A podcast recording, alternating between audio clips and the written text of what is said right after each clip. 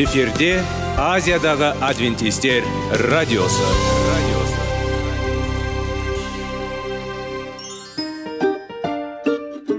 Сәлем достар. Денсаулық өмір бұлағы және біздің бірінші байлығымыз демекші денсаулық сағаты рубрикасына қош келдіңіздер. Біздің рубрикада біз әртүрлі факторларменен мәліметтерменен кеңестерменен бөлісіп шын жүректен сіздердің дендеріңіз сау болғанын қалаймыз. Сол үшін біздің рубрикаға қош келдіңіздер. Дайындалып тұрыңыздар. Өйткені келесі минуттарда қызықты фактілерге ие боласыздар. Енді достар ең бірінші байлығымызды қолымызға алып алға кеттік.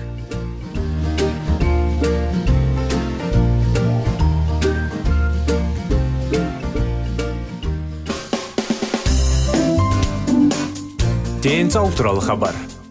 Денсаулықтың ашылуы күн сайын сөз үшін күшті кеңестер соңғы жаңалықтар.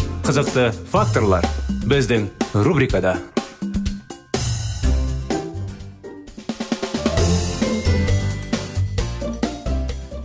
Сәлем достар. Армысыздар құрметті достар. Қытай зерттеулері тақырыбын жалғастырудамыз. Сіздермен бірге денсаулық сағат бағдарламасы. Қош келдіңіздер. Осы негізгі ақпаратпен біз маңызды эксперимент жоспарладық. Әрі қарай сипатталған қадамдық сериясы тәжірибелер жүргізілгенмен менің аспиранткам линда ягман барлық жануарларға канцерогеннің бірдей дозасы берілді.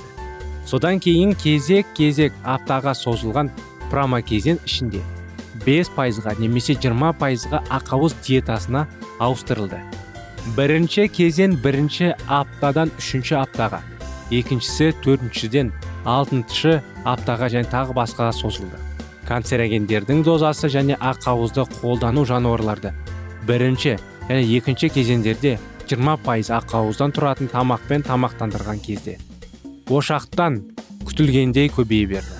Алайда үшінші кезеңнің басында 20-да 25 жануарлар ақауызды аз диетаға ауысқанда ошақтардың дамуы күрт төмендеді. Төртінші кезеңде жануарлар 20 пайызға ақауыз бар тағамға қайта ауысқанды. Ошақтардың дамуы қайтадан күшейе түсті. Басқа эксперимент кезеңде жануарлардың диетасы бірінші кезеңде 20 пайызға ақауыздан тұрды. Бірақ екінші кезеңде олар диетаға ауыстырылды. Онда 5 пайыз ақауыз болды. Ал ошақтардың дамуы күрт баяулады. Алайда үшінші кезеңде жануарлар ақауыздан тұратын 20 пайыз диетаға қайта енгізілген кезде ақауыз тағы да ошақтардың дамуына үлкен ынталандырушы әсер етті. Барлық осы эксперименттер үлкен маңызға ие болды. Ошақтардың өсуі қайтымды оны дамудан кез келген кезеңінде тұтынылатын тағамдарға ақауыздың үлесін өзгерту арқылы жеңілдетуге және баяулатуға болады. Осы негізгі ақпаратпен біз маңызды эксперимент жоспарында әрі қарай сипатталған қадамдық сериясы тәжірибелері жүргізілген менің аспирантты жаңағыдай линда барлық жануарларға канцерогеннің бірдей дозасын берді. Барлық осы эксперимент үлкен маңызға ие болды. Ошақтардың өсі қайтымдар оны дамудың кез келген кезінде тұтынылатын тағамдағы ақауыздың үлесін өзгерту арқылы жеңілдетуге және баяулатуға болды. Бұл тәжірибелер дененің ерте канцерларды есте сақтай алатындығын көрсетті. Гендік сақымдану тіпті егер аурудың дамуы төмен ақауызда диета кезінде тоқтаса да басқаша айтқанда афлатоксиннің әсері генетикалық өзгеріске әкеледі. Бұл 5 пайыз ақауызы бар тамақтану кезінде ұйықтап қалды. Содан кейін 9 аптадан кейін оянды. Және диетадағы ақауыздың үлесі 20 пайызға дейін жоғарылған кезде ошақтардың одан әрі дамуына себеп болды. Бұл дегеніміз егер біз бұрын қатерлі ісік ауруын қоздырған канцерогенге ұшырасақ содан кейін аурудың дамуын тоқтап қалса біраз уақыттан кейін дұрыс тамақтанбау салдарын ол қайтадан белсенді бола алады. Бұл зерттеулер қатерлі ісіктің дамуы ақауызды тұтынудағы салыстырмалы түрде аз өзгерістермен реттелгенін көрсетті. Бірақ ақауыздың қандай дозасы тым аз ал қайсысы үлкен? Егей құйрықтарға тәжірибе жасай отырып біз төрттен 24-ке дейінгі диапазонды талдадық. Диетадағы ақауыз мөлшері тағамдағы ақауыздың үлесі 10 пайыз жеткенше ошақтар дамылады егер бұл көрсеткіш 10 пайыздан аса диетадағы ақауыз үлесінің жоғарылауымен ошақтар едәуір артады. Дәл сол нәтижелер бірнеше рет болдырменің зертханамдағы чендер жапониядан келген профессор фуминки харио бұл эксперименттің ең маңызды тұжырымы. Ошақтар жануарлардың тамақтануындағы ақауыздың үлесі қажетті. Мөлшерге жеткенде немесе одан асқанда ғана дамыды. Организмнің ағзаның қалыпты дамуы. Басқаша айтқанда жануарлар ақауызға деген қажеттілігін қанағаттандырып арттырған кезде ауру дами бастады. Бұл тұжырым адамдар үшін үлкен маңызды ие болуы мүмкін дегенмен тәжірибелер жүргізілді. Мен мұны жас егеуқұйрықтар мен адамдардың өсуі үшін қажет ақауыздар сондай ақ ересек егеуқұйрықтар мен адамдардың денсаулығын сақтау үшін қажет ақауыздар өте ұқсас. Ұсынылған күнделікті тұтыну мөлшеріне сүйене отырып адамдар ақауыздан энергияның шамамен 10 пайызын алу керек. Бұл өмірлік қажеттілікке қарағанда әлде қайда көп ақауызды қажет етеді. Алайда бұл норма адамдарда әртүрлі болуы мүмкін болғандықтан ақауыздан 10 пайыз тұратын диета барлығына практикалық туындауды қамтамасыз ету үшін ұсынылады. Әдетте ақауыздың қанша мөлшерін жейміз? Бір қызықты бұл ұсынылған 10 пайыздан әлде қайда көп. Бұл қатерлі ісік. Аурудың қаупін арттыра ма жануарларға сипаттаған тәжірибелер бұл сұраққа оң жауап беруге мүмкіндік береді. Диетадағы ақауыздың 10 пайыз үлесі дене салмағына және сіңірілетін калориялардың жалпы санына байланысты күніне 50-60 грамм ақауызды қабылдауға сәйкес келеді. Мысалы 100 кал шпинатта 425 грамм шамамен 12 грамм ақауыз. Ал 100 кал шикі ноқатта бұл екі ас қасықтан сәл артық. 5 грамм ақауыз бар. 100 кал филе жаңағы стейкінде етте 42-де жарым грамм нан сәл артық. Шамамен 13 грамм ақауыз бар. Тағы бір сұрақ ақауызды қабылдау афлатоксин дозасымен. Ошақтардың пайда болу арасындағы өте маңызды байланысты өзгерте ма деген сұрақ туындады. Химиялық зат әдетте канцероген болып саналмайды. Егер оның дозасын арттыру келтіре ісікке шалдығу қаупін жоғалуын әкелмесе. Бізбен болғандарыңызға рахмет достар. Мінекей бағдарламамыз аяғына да келіп жетті. Тақырыбымыз ұзақ көп әлі. Бірақ ол келесі бағдарламамда жалғасады келесі бағдарламаға дейін сау болыңыздар.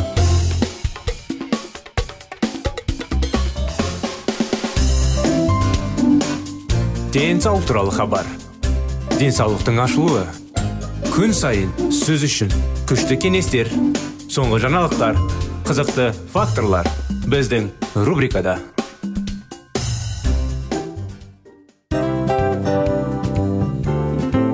Әуелі байлық денсаулық екінші байлық он саулық үшінші байлық ақ жаулық. Ал енді осындай радио парақшадан кейін не дейміз? Барлықтарыңызға денсаулықтарыңыз зор болсын деп тілейміз. Денсаулықтың өзгеруі кішкентай нәрселерден басталады. Осымен біз берген кеңестер мен мәліметтер шын жүректен сіздер үшін қандай да бір болсын жәрдем берді деп үміттенеміз.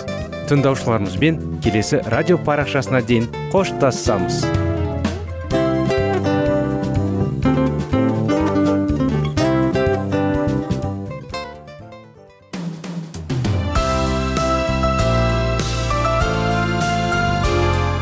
эфирде азиядағы адвентистер радиосы.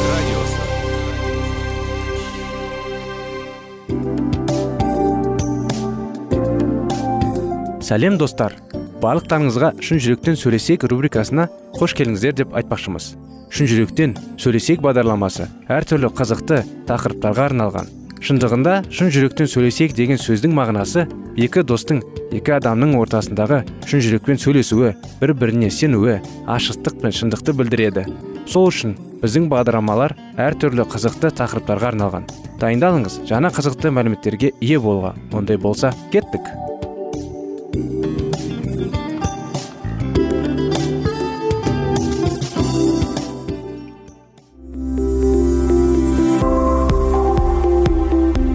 алтын сөздер.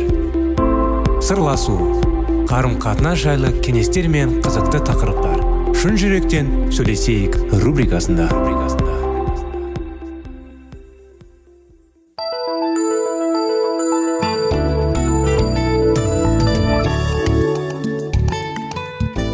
Сәлем достар. Армысыздар құрметті ә, радио тыңдаушыларымыз. Сіздермен бірге шын жүректен сөйлесейік бағдарламасы.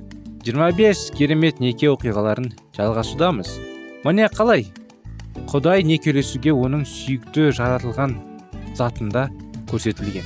Ең үлкен өнер туындысының бірі ретінде қарайды. Оның неке деген құмарлы көзқарасы исаның паршыларға берген жауабынан айқын көрінеді. Паршыларға исаның сөздерін қабылдау өте қиын болды. Сондықтан олар оған жауап беруден бас тартты.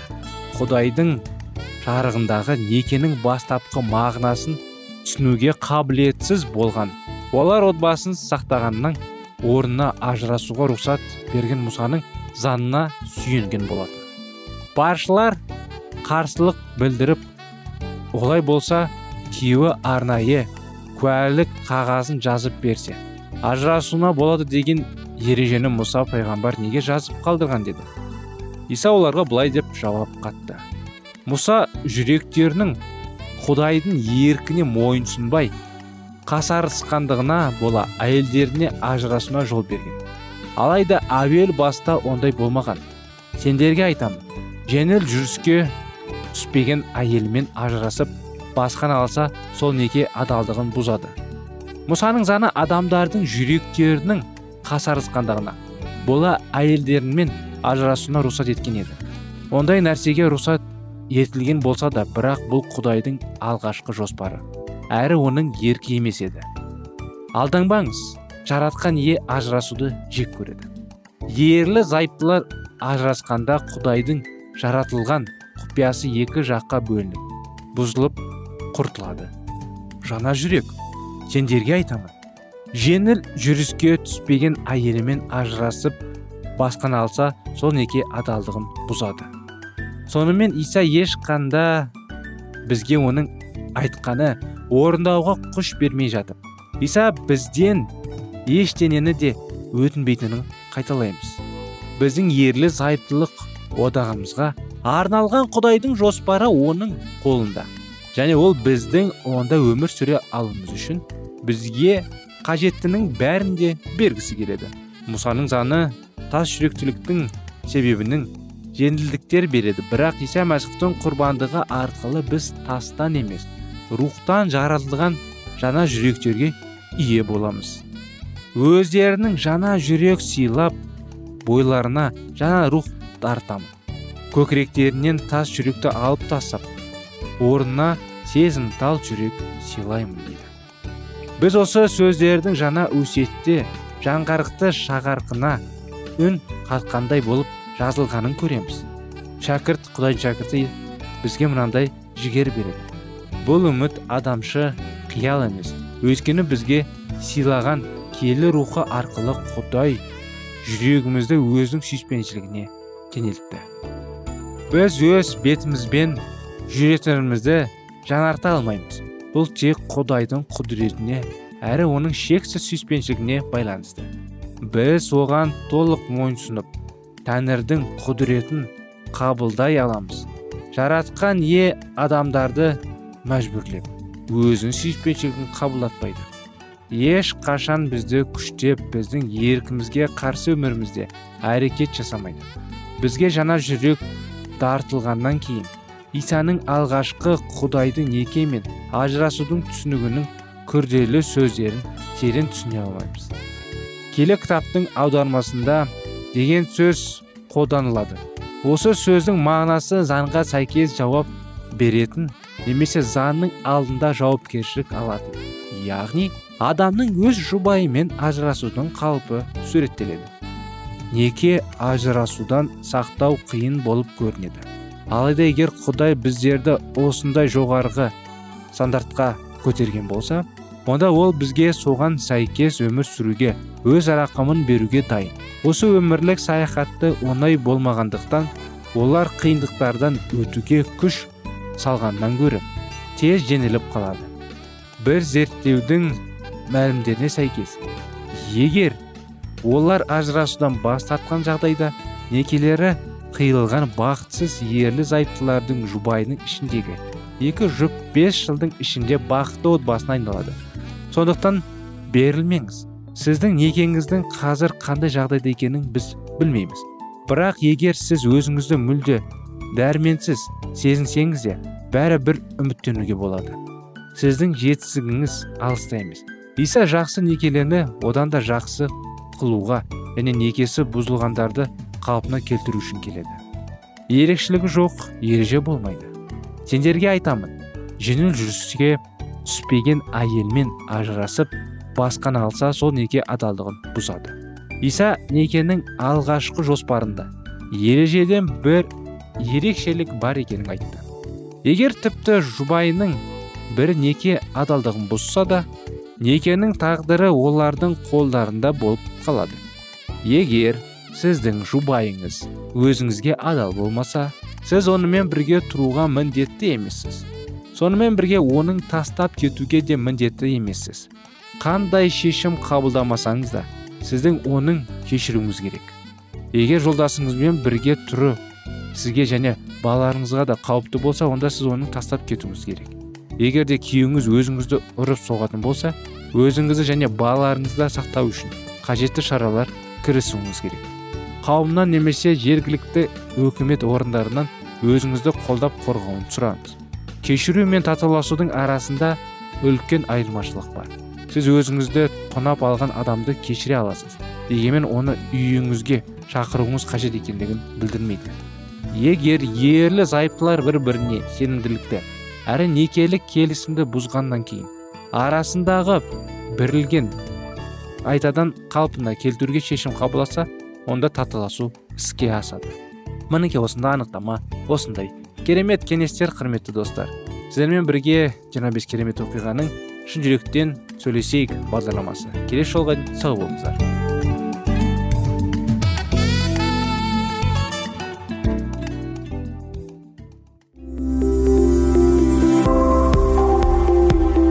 Алтын сөздер.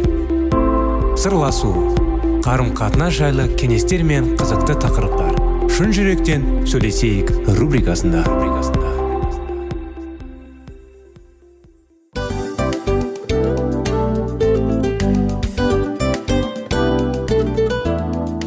Құрметті достар барлық ең соңғы кеңестер аяқталған соң біздің программамыз соңына келіп қалды.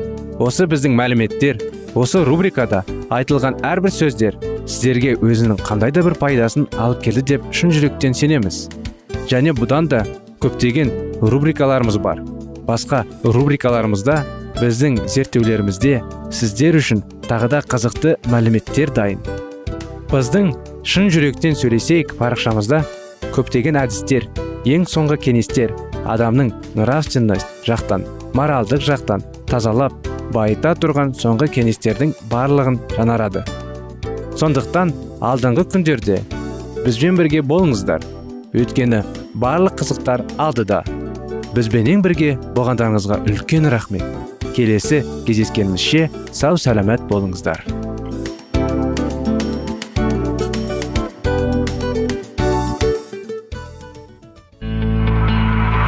Жан дүниеңді байытқан жүрегіңді жаңғыртқан өмірдің мағынасын ойландырған рухани жаңғыру рубрикасы.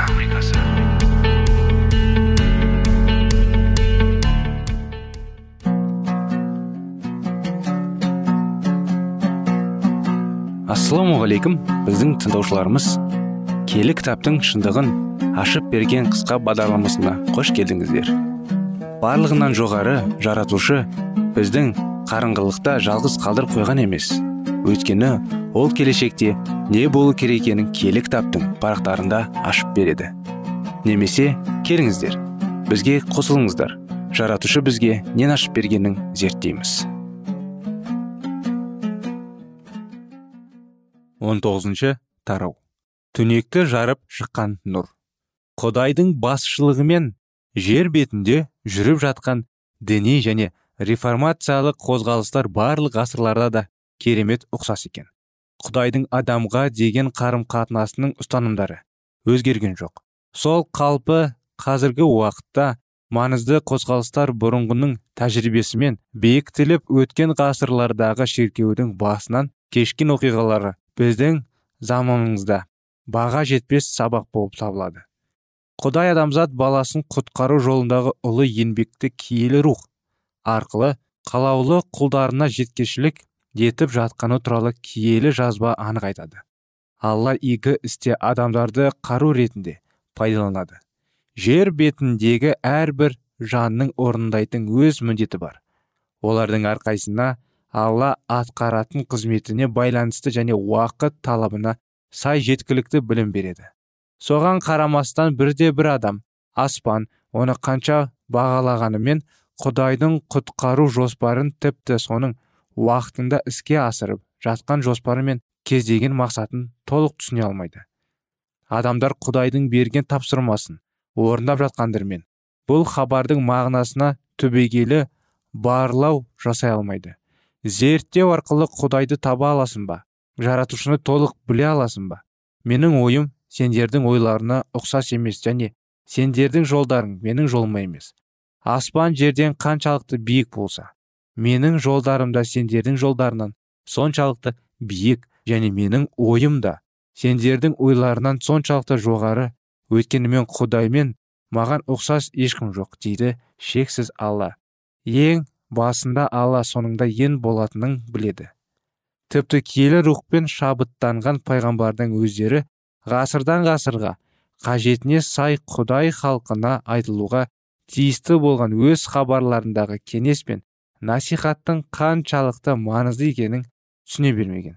Петр бізге хабар сыйлайтын құтқарылу туралы айта отыра былай деп жазды.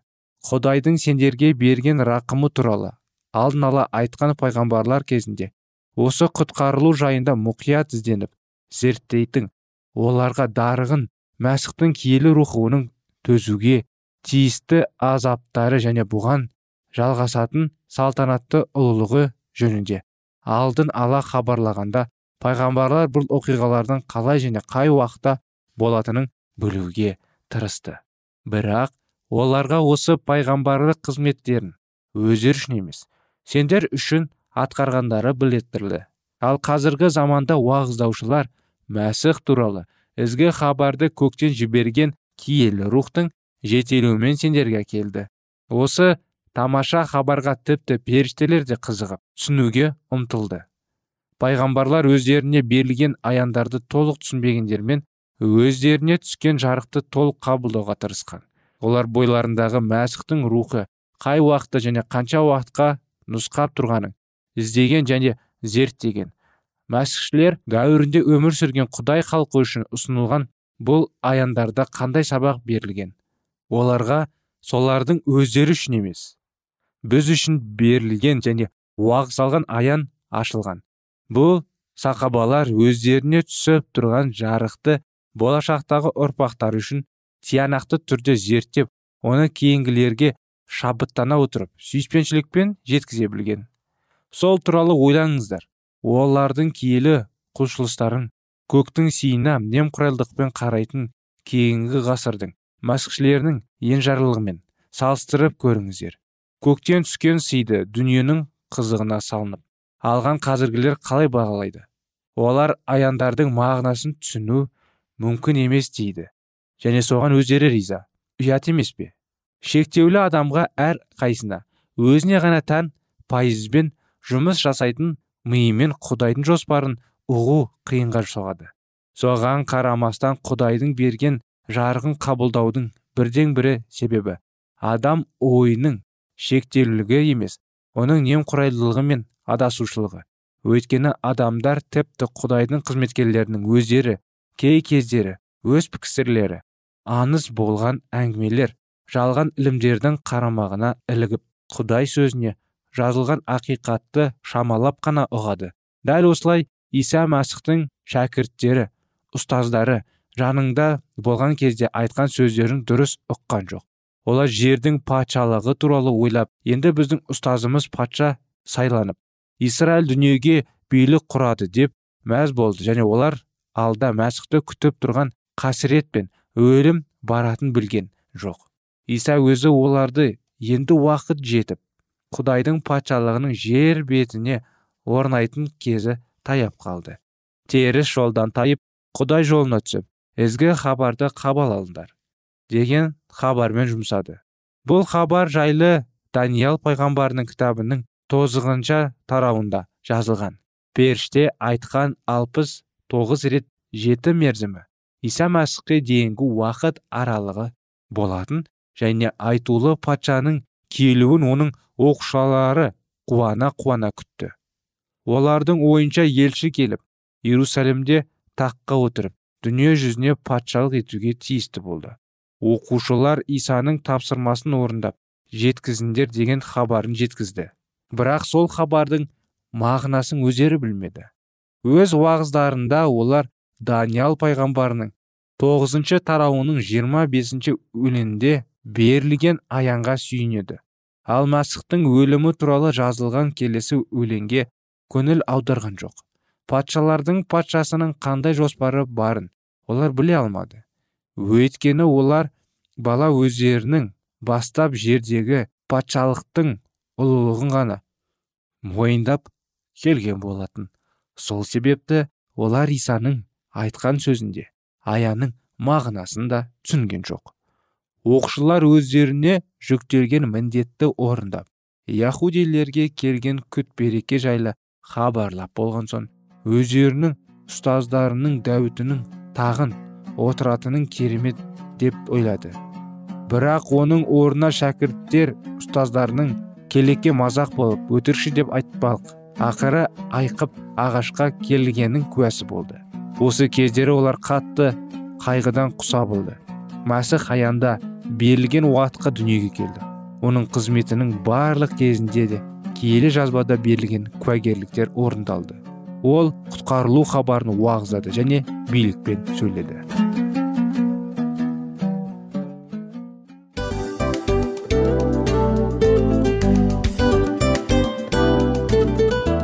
Мынау осы уақыт тез өтіп кетеді екен.